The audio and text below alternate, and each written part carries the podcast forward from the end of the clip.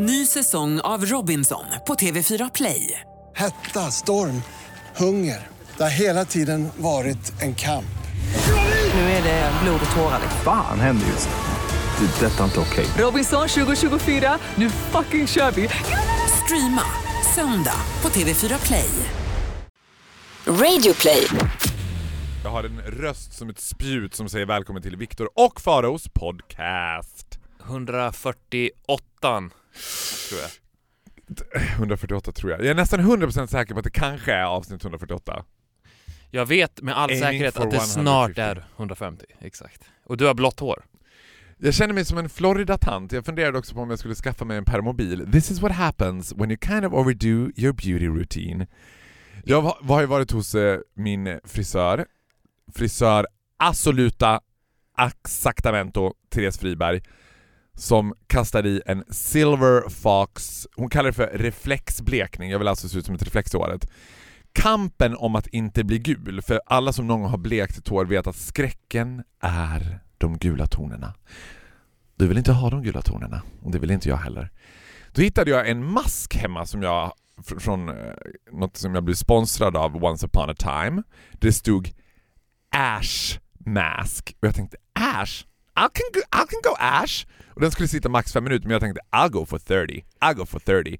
Och nu är jag liksom en smurf. Jag ser ut, jag, ser- jag tänker att jag ser ut som en ganska nöjd kvinna plus 70 i Florida som åker runt i permobil och dricker pina colada och abusing men she's passing by with her scootermobil. Det roliga är ju att du ser ju exakt ut som du antagligen kommer se ut när du är 75. Ja. För att, Du Det- tror mer att det kommer vara blått än, än rosa när jag är 75? nej. Jag tänker att jag kommer gå all in Babsa när jag är 75 och Fast bara härifrån acceptera. så ser du ju grått ut. Du ser Ja. gr- gråhårig Ja ut. men det är det som är tanken. Det skulle ju se grått ut. Ja men inte lite... silver fox, utan ja, det, är du ser gammal ut. Ditt Ouch. hår alltså. det började, alltså den här gedigna vänskapen liksom, som kallas för soul massage and ego boosting, började redan i hissen när Viktor bara Gud vad jag ser tanned ut jämfört med dig. Jag ser alltså blek, gråhårig och gammal ut. This will be a sunny Sunday for me. Nej men det som är intressant är att jag vet att du kommer ju ha den där kvaliteten på ditt skinn när du är 75 Mm. på grund av din hudrutin, så den kommer ju vara helt oförändrad. Men om du skulle sluta färga håret så är det ju, det är ju kul för mig att sitta här och prata med Farao Groth, 75 år. Tror du att du kommer gilla Faro 75 år lika mycket som du gillar Faro 32? Ja, jag tror att det kommer vara exakt samma person förutom att du har grått hår. Tror du det? Jag märker ju redan nu att jag gillar honom. Mm, you're lovely. Hur var Grammisgalan? How was the party? Nej, det var väl kul. Ja, det betyder alltså att det var verkligen halvkul. Nej men jag jagade ju, för att jag, jag har ju fortfarande haft ont i Du benet. jagade that one selfie with Oscar Sia. Did you get it? Nej, det gjorde jag absolut inte. Däremot så jagade jag smärtlindring. Did you turn to B double O C E you can abuse Mr. Booze? Ja, ah, fy fan. Jag försökte ju. Det var så jävla länge sedan jag drack alkohol på det sättet, men jag tänkte att Att du tänkte så här, I'm, I'm opening up. I'm opening up for the possibility to be drängfull. Ja, eller inte drängfull, men jag sökte smärtlindring. Okej? Jag, jag har helt plötsligt en ny respekt för psykiskt sjuka. Och äntligen... All of a sudden you start to value my life. För att det är ju det de gör. Psykiskt sjuka, de söker ju konstant smärtlindring. De vill ju bort ifrån sjukdomen. Och jag är ju, eller har ju varit, nu är det faktiskt bättre, men jag har ju varit likadan fast fysiskt sjuk. Mm. Så att jag har ju konstant jagat droger som ska dämpa min fysiska smärta. Mhm. Så jag har ju känt mig som ett psykfall. Och eh, jag försökte då... Men har du varit uppe på so heavy drugs att det har liksom påverkat din personality? Ja men jag är ju, jag går ju på morfin. Men- Och det har jag ju gjort. Det är ju ganska in heavy that, In drugs. that case I kind of like your pills. You're nicer than they used to be. Ja men jag jag är morfinista. Morfinista. Absoluta. Och jag kan ju säga det att jag är mycket hellre morfinista Mhm. än alkoholist. Mhm. Återigen nu då, efter att jag söp. Från klockan två på eftermiddagen så söp jag. Mm. Klockan halv tre hade jag dragit fyra drinkar tror jag. Och, och jag bara, men det, Vänta, vänta, vänta, vänta. Från halv fyra på eftermiddagen, Nej, halv tre. på eftermiddagen, Ja. Då hade du dragit fyra drinkar? Ja. Jaha, gud. Jag bara tänkte så här, är en person that is not used to drinking som bara, från halv fyra på eftermiddagen till tre på morgonen, då hade jag dragit fyra drinkar. Jag bara, Ooh, that doesn't sound like an alcoholic to me. Nej, That's här- usually what I do in 20 minutes. Men det var exakt vad jag gjorde in 20 minutes. Det här var så första halvtimmen. Ja. Men stay away from the cocktails because they fucking taste like soda. They goes down your throat. Mm. Men återigen, inte min drog. Nej. Fy fan vad jag mådde dåligt alltså. Jag Men skämdes det måste ju. ha blivit, alltså, jag menar jag har ändå jobbat upp en respektfull toleransnivå. Din Mm. toleransnivå kan inte varit så hög, du måste ha mått sådär dagen efter. Nej men jag, dagen efter, redan under kvällen. Jag skämdes ju inför min egen spegelbild. Var det så? Jag kunde inte titta mig själv i ögonen. För jag såg hur han tittade tillbaka på mig och bara You pathetic little bitch. Var det så att du stod, jag vill ändå se liksom den här traditionella slutscenen i en Hollywoodfilm about a fallen star, när du står lutad över handfatet, tittar upp, during the ongoing party, så man hör liksom tittar upp och tittar själv, håller kvar blicken och bara You're a disgrace. Var det så du kände? Ungefär exakt så ja. You were just having a good time. You're too hard on yourself. Nej nej nej nej. I wasn't. Det, det var inte därför jag gjorde det. Det var som sagt en jakt på smärtlindring som inte funkade. Så alla ni som har ont någonstans, psykiskt sjuka, fysiskt sjuka, inte Turn to alkohol. pills, leave the booze. Leave the booze. Jag var på eh, en fest igår, speaking of eh, ett ämne som jag har mjölkat ur ganska mycket, the surprise party. Mhm. Vi har ju statat att det är ju inget surprise party unless someone yells SURPRISE! Annars blir det ingen surprise party. Det var väldigt kul. Det var, ett, det var en grupp människor som jag inte träffat så ofta, så it was a really fun party. And the par- birthday girl loved her to pieces. But there was a child involved. Mhm. Someone brought a child. Och då tänkte jag, då fick jag så här en, epiphany, Men vad menar du med barn? En tioåring. Aha okej. Och då fick jag en, en epiphany av när jag själv var tio och var liksom ganska, alltså min största skräck när jag var liten var att komma till en fest där det fanns ett barnbord. Alltså det var det värsta jag visste, jag, jag var, ville vara the center of attention. Men det här barnet hade också mig som sin idol. Vilket, Var det därför barnet var på festen? nej, inte primärt, men jag skulle kunna tänka mig att så här. If the rumor was spread over town I was going to attend. Men vänta, vänta här. Vilken tioåring har Farao Groth som sin idol? Exakt. That was my third Scary child. Scary Child, det var min första tanke att jag bara... Alltså du vet, maybe parenting. Maybe you should not listen to Fantastic Pharaoh talking about anal sex on radio when you're 10. Jag tänkte också så här, hur mycket förstår hon av mig? Alltså tänk, tycker hon bara så här... För min skräck, det är ju att jag någon gång liksom... Starting to faint on radio, you're giving up on me, turning your back against me, och jag har en enda utväg kvar och det är Barnkanalen. När det blir liksom bolibompa, bolibompompa och jag bara embracear epitetet nöjespedofilen. Alltså det är verkligen inte en väg jag vill gå. Och det är verkligen inte långt kvar heller. Och det är verkligen inte långt kvar. Det, är, nej, men det, är väldigt, det hade varit en very easy turn. Du, du har ju redan det gråa håret. Jag har ju redan det grå håret och det hade varit lätt för mig att få jobb på Barnkanalen. För jag tänker att man som barn, om man är, nu snackar vi så här 4-5 år, då kan jag fatta. Man tycker att det är en vuxen som pratar gapet och skriker. Det finns Som ett barn. Ja, och det finns något clownigt över det. Absolut. Det här är en vuxen som är lika gammal som min pappa, but he does not behave like daddy. Hmm, unusual spider. Men om man är 10 och dessutom lite beskäftig så är det som att man så här ändå borde veta bättre. Det, jag tänker att så här, det kan inte bara vara att she was amused by my funny voice and crazy appearance. Nej men jag tycker att det är intressant att det var en tjej, för jag var helt övertygad om att det var en kille. För att då För tioåriga killar, det händer ibland. Mm. But they're usually liksom homosexuals to be, du vet. Det var bara, det jag tänkte också. Kom ut, här är kärleken, kom ut. För att jag kan tänka mig att om du är tio år och bög, Mm. så skulle jag... Och helt omedveten om det, för att det är man ju i regel typ. Ja, fast kanske omedveten om vad det innebär att vara det, men ändå medveten om vem man är, för det Ja. vet man ju när man är tio år. Och då You're unaware of what, it, what an ass tastes like. ja, Hopefully. det där är ju väldigt specifikt, men jag kan tänka mig att om, om du To är... me that is the definition of being gay. Okej. Jag tror att om du är tio år och homosexuell, Ja. men du vet inte vad homosexualitet är för någonting, men om man då ser fara och grot, Mm. så kan jag tänka mig att det är lite av en religiös upplevelse. Jag kan tänka att det, vet du vad, jag kan tänka att det är both ways.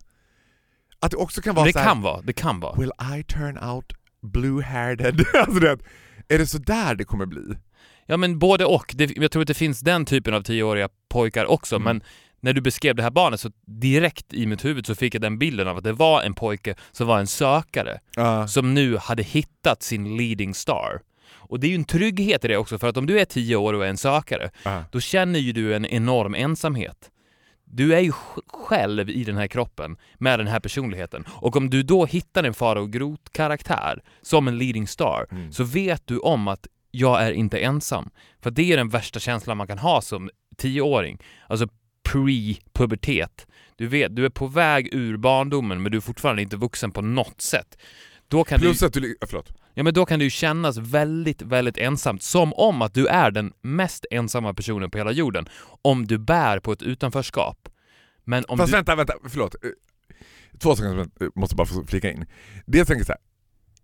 på ett sätt håller jag med dig, för jag tänker att, att du är också unwanted på något sätt. Om, om du är tio år och beskäftig, alltså om du är lillgammal. Mm. För då är du för ung för att få vara med de vuxna. De vuxna tycker att du är lite gullig men sen slightly annoying när du ska sitta och bara Vet ni att Lufthansa har fyra A360 som flyger mellan... Du vet bara, men please, we're having a grown-up conversation here. Och barn tycker ju så här, om inte du vill studsa på studsmatta, you're no fun to hang out with. Mm. Så att you're sort of stuck in between.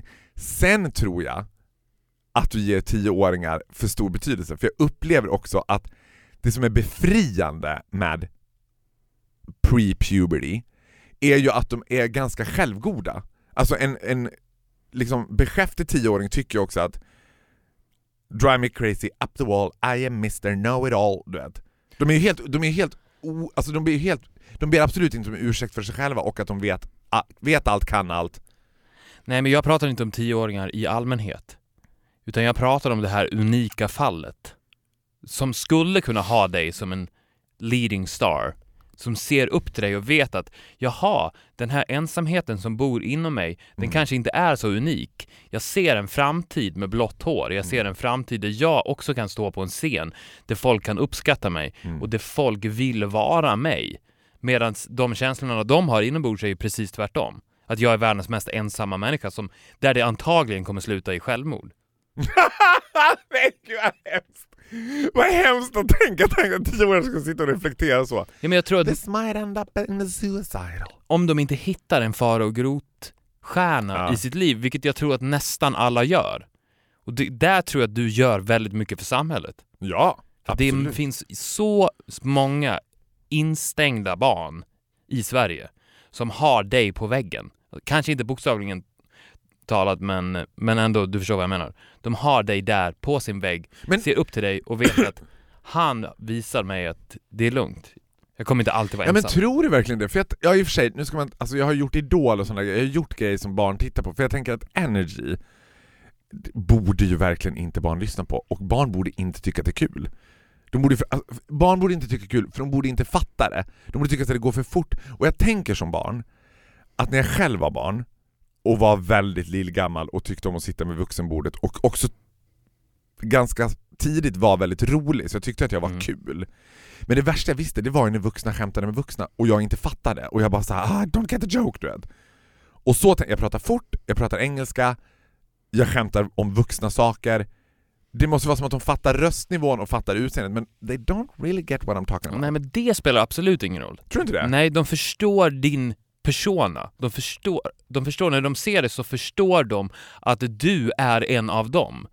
Sen exakt vad du säger, det är ganska irrelevant. Jag har lite svårt att liksom förlika mig med tanken på att being one of them as being a 10 year old girl. Men jag skulle, jag skulle tycka att det vore fint om du... Fick ett eget program på Barnkanalen som heter Faraos fantastiska fabulösa värld. Det var ungefär, I leave that ungefär exakt det jag skulle With säga. an open hand to Fab, Fab Freddy. Ja, Fab Freddy. He's already on Barnkanalen. Jag vet. Men det behövs en till. Som tar hand om de här lite mörkare barnen. Ja, men då tänkte jag så här. När jag hamnar i sådana där situationer, liksom inte igår specifikt, utan in general, när det är lite äldre barn med, så tar också vuxna onödigt mycket socialt ansvar för den där typen av barn. Especially om barnet är ensamt på festen, om det inte är andra tioåringar där. Att man ska säga han ska sitta med, man ska prata med Ja men gud vad roligt, hur är det i skolan? Du vet, så jag bara “bitch is not interested”. Och då var det som att jag vid ett tillfälle turned against the child. Jag gjorde klart för det barnet att nu är det nog. And Okej. every single one at the party turned against me. Det var som att så här, det var, och du vet, Men sa du nu är det nog? nej men jag typ så här, nu får du gå för nu vill jag prata om vuxna grejer. Mhm. Och då var det som att alla bara Oh no you didn't. I started off as the center of attention. Det var nästan så att jag fick ta Dolphy i hampan och bara We gotta go. We gotta leave innan det blir en liksom mobb emot mig. Men vad var För det det? var som att här You don't tell a child off. If she wants to be the center of attention, she'll be the center of attention. Och jag bara But you better learn the hard way! This is what life throws at you. Men vad var, Lemons men vad var det du ville prata om som var vuxna grejer som du kände att du inte kunde prata om framför barnet? För att jag tänker att en stor del av det här är ju att du inte behandlar de här barnen som barn. Utan du Nej, är... men, och då får man skit för det. Aha, du var, du var rädd att få skit för det. Man kan inte säga sit on your face in front of a child, du vet. Det är barn här! Jag bara, ja, she needs to learn. If she wants a man. Nej men inte så, men det var väl också att hon stal min uppmärksamhet. Det var väl det. Alltså, barn ges ju också helt villkorslöst uppmärksamhet. Vad de än gör så bara Shh! Alltså vet, jag tänker så här, den fruktansvärda terrorn som jag utsatte hela mitt grannskap för när jag satt upp cirkus på cirkus på cirkusföreställning och det var hårda bud på Hyttgatan kan jag säga. Det var liksom det var sittplatser, det var biljettförsäljning, det var saftpaus, eh, paus, det var så här, du vet, och de, de vuxna bara bet ihop, kept a smile on their face and kept me going. Och jag höll alla andra barn i herrans tukt och förmaning. Var jag jag var manusförfattare, var, så här, du vet, det var precis som jag ville ha det. Men var det bara cirkus? Mestadels cirkus. Jag var in, Det är intressant alltså. Teater kom mycket senare. Jag var ju väldigt, väldigt fascinerad av cirkus. Mm. Men jag var också... Jag var ju, jag var ju ett ganska rädd... Alltså jag var ganska rädd som barn. Alltså jag var väldigt liksom... Jag var inte så framåt. Jag, jag kommer ihåg ett minne alltså, jag, till den här dagen. Ångrar så mycket. Min absoluta favoritcirkus var Cirkus Brasiliak. För Cirkus Brasiliak var som Cirkus Scott men lite kackigare. Det, var ändå, det, kändes, det doftade ändå lite mer forna Sovjet om Cirkus Brasiliak. Cirkus Scott var lite för polerat. Men det här var Cirkus Brasiliak och där hade de cirkusdirektören Diana Rodin som var min absolut största idol. Och jag, alltså den här känslan kan jag komma ihåg än idag, att vara sju år, jag och pappa och min syster går på cirkus och den här doften som slår emot en av sågspån, elefantspillning, popcorn, någon öststatsclown som luktar röda Marlboro och bara Också något lite märkligt med en äldre man som är utklädd till clown och äldre, det var bara konstigt. Och vi skulle få träffa Diana Rodin och jag vågade inte gå fram och min syster gick fram och fick ett diplom och en Cirkus Brasiliaca-affisch som jag fick av min syster för jag inte vågade. Det var så hemskt. Jag älskade cirkus. Ja men det är någonting fascinerande med cirkus. Tror du att det har någonting att göra med att de alltid är on the run som gjorde att du blev så fascinerad av dem? Ja! För att din själ, ja, men för att din själ var ju on the run från början. Ja! Du var ju på väg bort därifrån från början och jag kände li lite likadant. Jag var också fascinerad av cirkus när jag var liten. Det är svårt att säga varför för att jag hade ju inget genuint intresse för varken clowner, elefanter, Djur eller akrobater. exakt. Jag vet inte vad det var, men det var någonting med att de var på väg. Och att de Plus att alltid tror- var på väg. Ja men plus att jag tror också, eller min upplevelse var i alla fall, att, och det var jag ju inte medveten om då, men det kändes old school på något sätt. Det kändes väldigt solidt, så så här har det sett ut sedan 1912. Mm. Det har varit exakt samma typ av upplägg. Det går inte att alltså, för så fort man borde, det finns ju inget värre Modern cirkus. än modern cirkus. Ny cirkus gives me shivers up Mm. my spine. Jag vet inte vad jag hatar mest, trollkarlar, magiker eller ny cirkus. Cirkus cirkörartister som tar sig själva på slightly för mycket allvar, hänger i tyger och du vet, nej nej nej, nej. Jag vill, ha, jag vill att det ska vara kackigt och så öststatskänsla. En kratt krattad manege. Det är inte cirkus utan en krattad manege. Cirkusdirektör skulle jag kunna tänka mig att bli. Men är inte jag born cirkusdirektör? Är du? Nej, för nu när du säger det, det, var, det är också någonting det med cirkusen, att här, cirkusdirektören är ju också en väldigt otäck varelse. Mm. Eller den typen av, and I say this in the most humble way because I love you from the bottom of my heart, att du har ju precis av den där varma ondskan. Att man ändå kan känna att det är någonting med så här. cirkusdirektören har ju alla i ett järngrepp. Mm. He's the ringleader, he call the shots. When he whips, Hoppa! så gör alla, djur eller människor, doesn't matter. They do whatever they, he, they, he tell them to do. Ja, och han säger ju ingenting heller. Han Nej. gör ju det i, i tystnad. Det finns ju en pondus i honom som är väldigt mäktig. Ja. Det känns ju som att en cirkusdirektör skulle bli en väldigt bra diktator. Plus Det är också lite så att det är en av de få yrken idag där direktör är också helt okommenterat att man har den titeln. Jag är direktör, cirkusdirektör. Men är det ett yrke? Kan jag bli det? Cirkusdirektör? Viktor, titta i mina ögon. You can be whatever you want. Oh, thank you. Men jag tänker mig att du är ju mer en sån här, en person som kommer i pausen med, Ja. med en skylt där det står Snart börjar akt två, det finns glass och kaffe i repan. Nej men jag tror att jag har en sån här låda med popcorn på. Ja men det med. Och går och gapar och skriker. För jag är ju inte riktigt clown heller. Nej. Du, det, är, det är svårt med dig. Du är, du är ju cirkus, men det är väldigt odefinierbart exakt vad din roll skulle vara. Plus att jag tycker också att det finns en mystik med att ingen vet vad cirkusen gör på vintern. Nej. Löses den upp och sen fogas samman nästa Nej men det är väl säsong? som flyttfåglar, att de drar till, till varmare breddgrader. Så att Cirkus Brasiliak turnerar liksom Turkiet nu. i Turkiet nu. Det tror jag.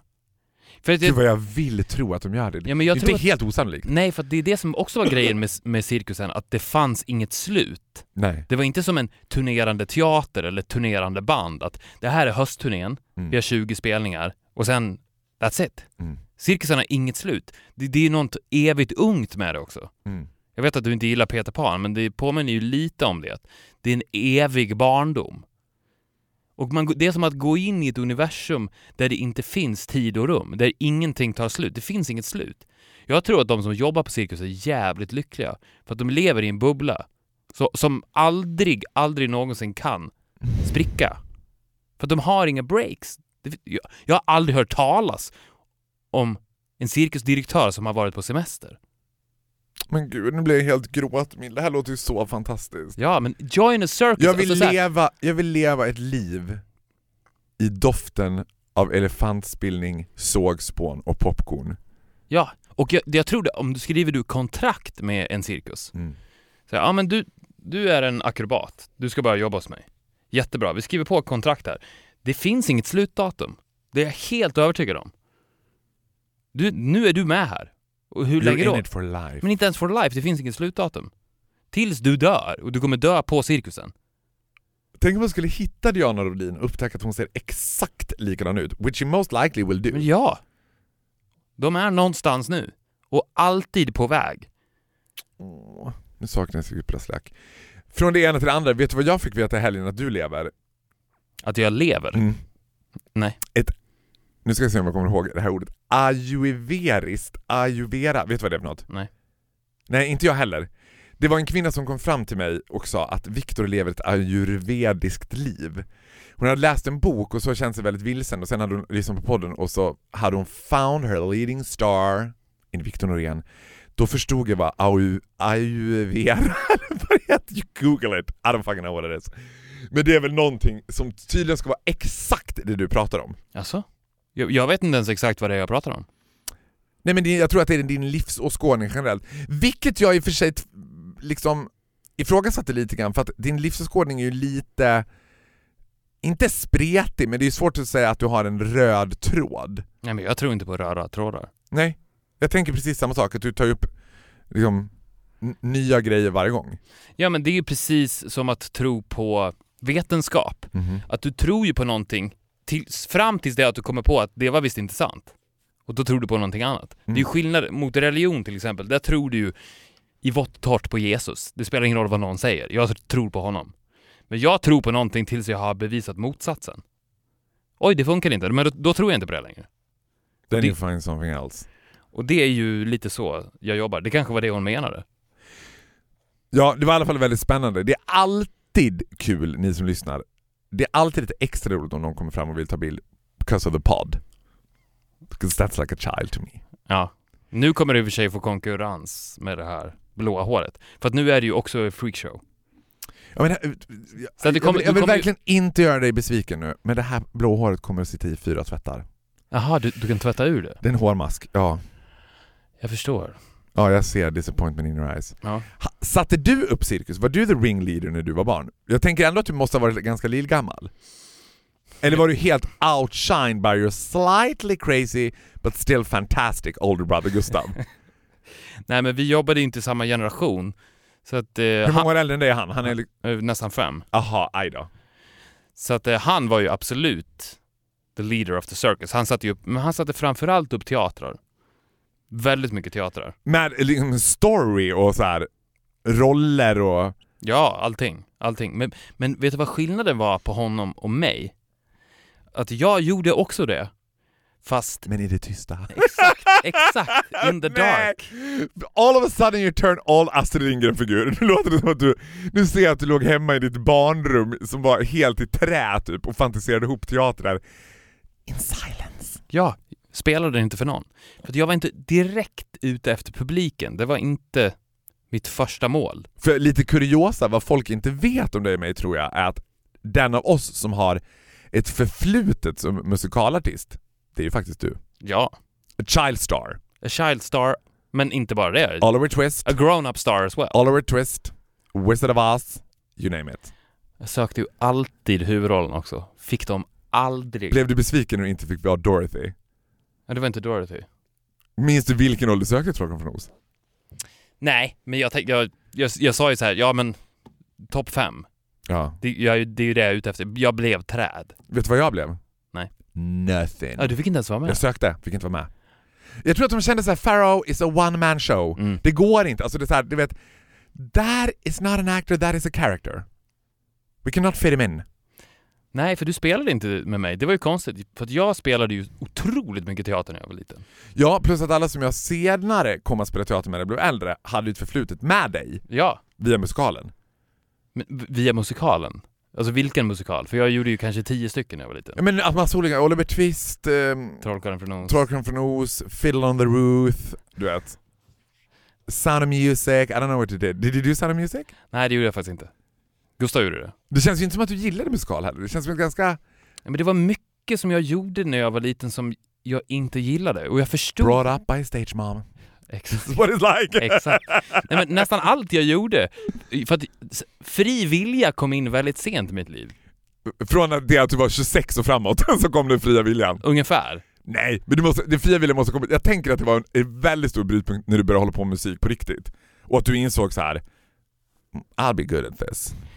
Nej men jag, jag vet inte hur det är för barn idag, men jag svårt att tro att det är så, att man sysslar, för det var ju väldigt många av mina kompisar som satt i samma situationer, Mm. att man hade väldigt många så kallade fritidsintressen Mm. som man hatade. Ja. För att Alltså, allt hur, jag mycket gjorde... tror, hur mycket tror du att jag älskade handbollen? Fucking hate it every single time. Gick på varenda träning, Mm. spelade varenda match. Och jag bara, och jag tyckte, jag tyckte allting. Till och med, being a small town gay, så tyckte jag att duschgrejen var så jävla jobbig. Det borde jag ju tyckt var liksom the reward.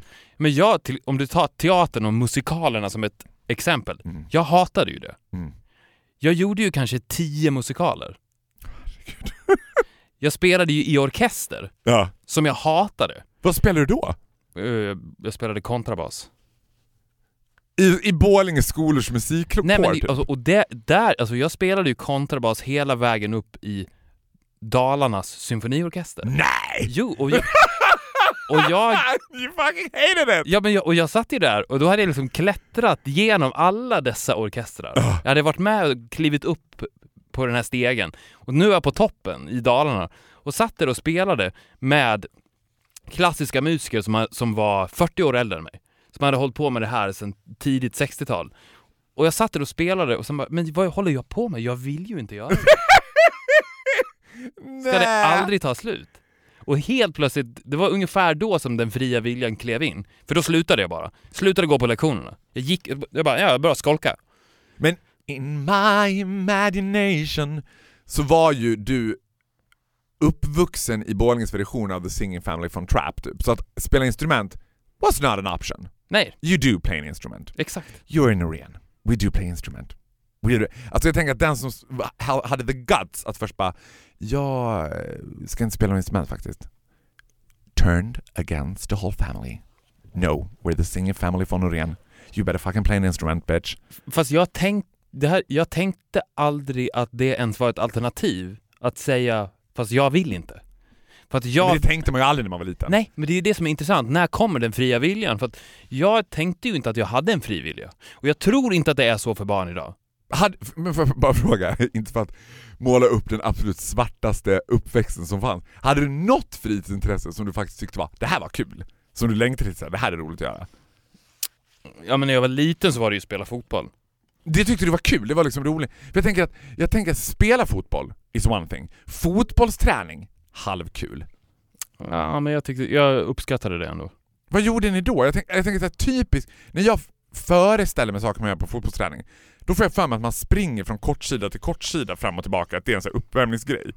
Ja, men det Och att man hoppar med höga ben så här, for no reason.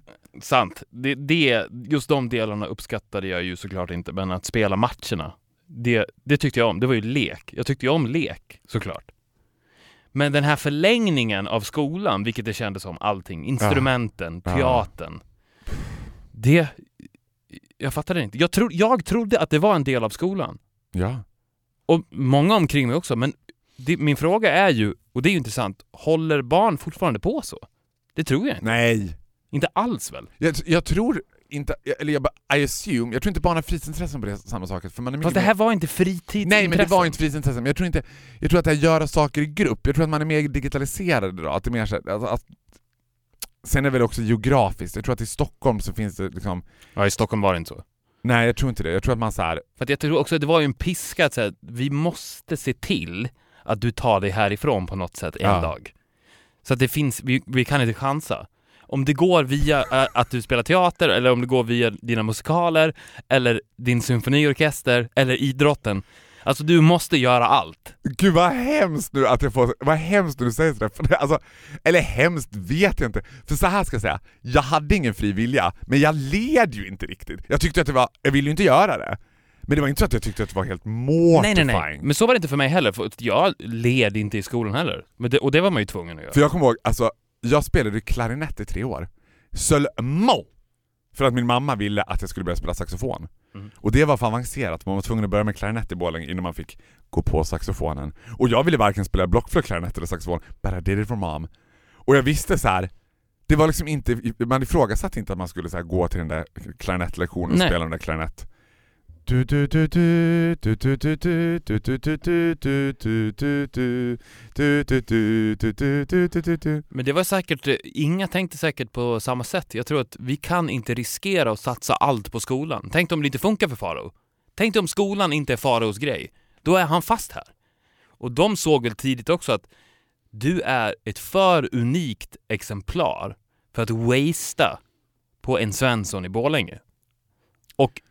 funkar inte skolan för Farao, vad ska han göra? Då är han fast.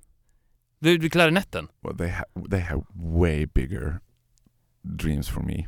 De visste.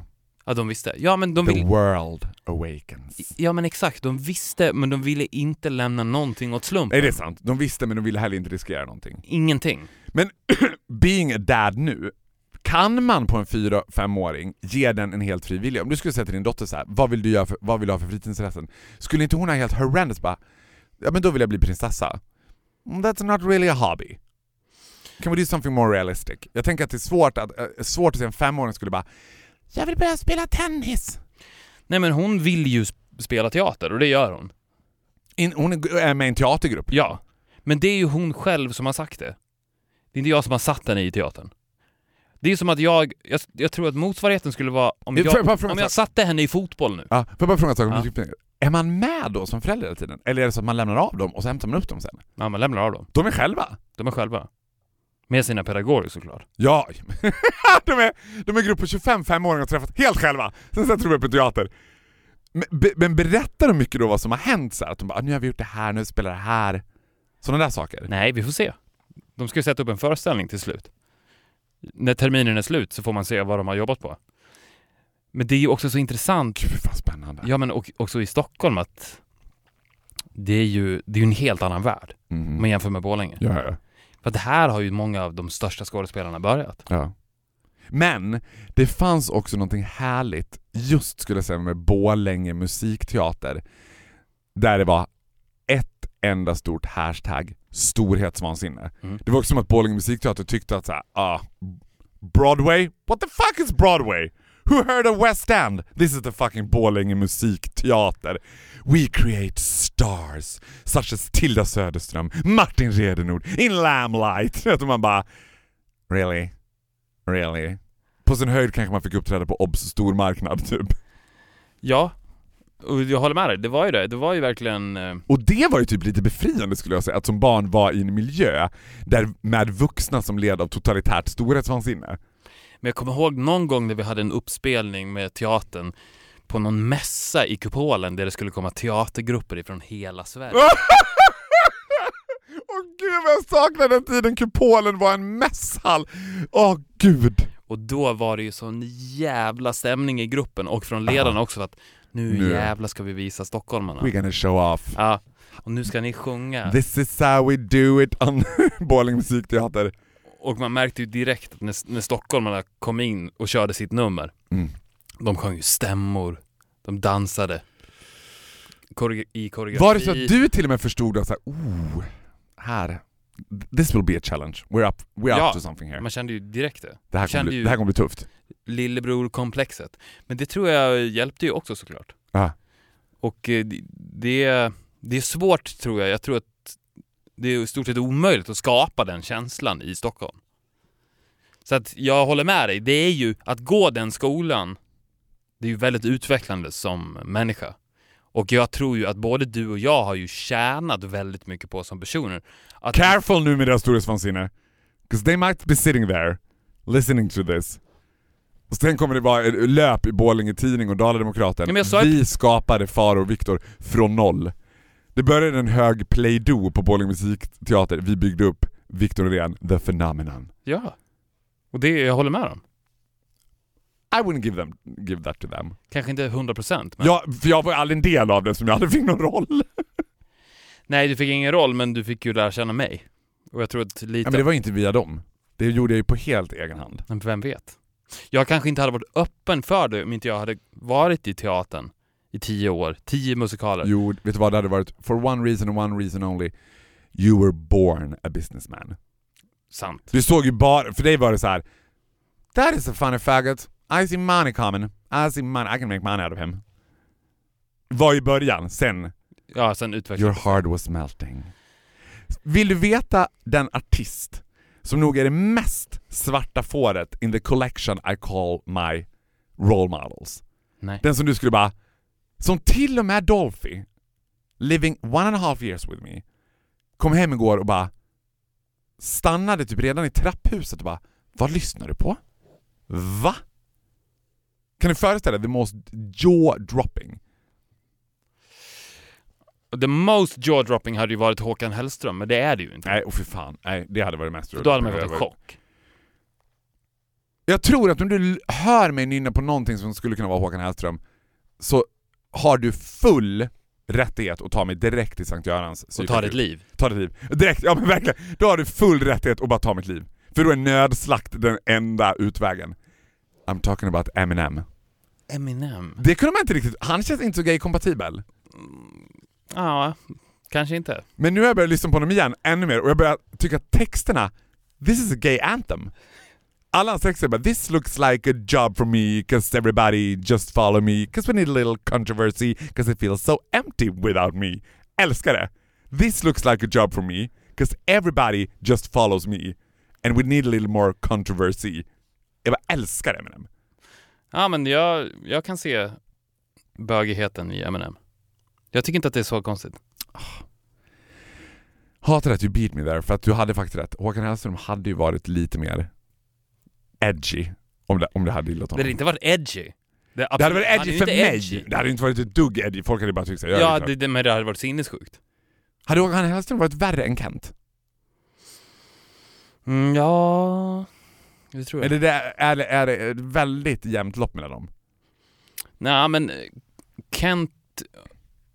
Kent skulle ju du kunna lyssna på som någon form av tonårsromantik för att du av någon anledning- hade kommit i kontakt med dem på gymnasiet. När du ändå, när du ändå på något sätt flörtade med skära sig i almanackulturen. Vet du vad jag flörtade med när jag var liksom, när jag, jag var, jag, I started off as one of your fans, det behöver vi inte göra någon hemlighet av. Vet du hur mitt sätt att närma sig när jag skulle bli indie-poppare var? Det här har jag berättat för dig förut. Jag eh, och, åkte, gjorde den där klassiska familjen åker till Phuket på charter, Ja, på så köpte du någon skiva, ja just det. Vet du vilken skiva jag köpte? Ja, jag har glömt bort. Manic Street Preachers So Why So Sad. Ja, en singel var det, just det. En singel. So why so sad, you live alone. Det var jag bara, det, det var det närma. Oasis, way too hardcore. Didn't work for me. Nej. Man Street Preachers, det blev en singel. Sen insåg jag, nej. Det var en ganska ändå radikal förändring i mig för att när jag var i den åldern, då var, det, då var jag seulement intresserad av snedlugg, Converse-skor, ingen förstår hur dåligt jag mår. Killar, jag skriver egna låtar på gitarr. Ja, det var inte gymbiffarna. Nej! De Hockeykillar, det var så här. Hockey who? They were retards. Mm. Nu, Men alla växer upp. that all that matters. Alla växer upp. Ja, det svåra var att i, indie, i indiekulturen ingick det ju att ha en rumpa som lös med sin frånvaro. Ja. Det ingick ju att ha en rumpa som gick ihop med liksom Ja, låren och Hemskt. ryggen. Och helst skulle det puta lika mycket utåt som den putade inåt. Så att, that was a no-go. Men vilken tur att vi växer upp ändå. Mm. Att vi inte är fast där. Är, du, är det så att du har funderat någon gång under den här stunden vi har suttit här och tillbringat lite tid med varandra att en blå toning kanske inte vore helt fel ändå? Ska jag bara embrace getting older and throw in some, some blue highlights in my hair? Ja, men det växer. Eller hur? Det växer. Men eh, vi får se vad jag får för nästa gång. Ja, spännande. Ja, getting closer to 150. Yes. Hej då! Hej då. Ett poddtips från Podplay. I fallen jag aldrig glömmer djupdyker Hasse Aro i arbetet bakom några av Sveriges mest uppseendeväckande brottsutredningar. Går vi in med hemlig telefonavlyssning och, och då upplever vi att vi får en total förändring av hans beteende. Vad är det som händer nu? Vem är det som läcker? Och så säger han att jag är kriminell, jag har varit kriminell i hela mitt liv men att mörda ett barn, där går min gräns. Nya säsongen av Fallen jag aldrig glömmer på Podplay.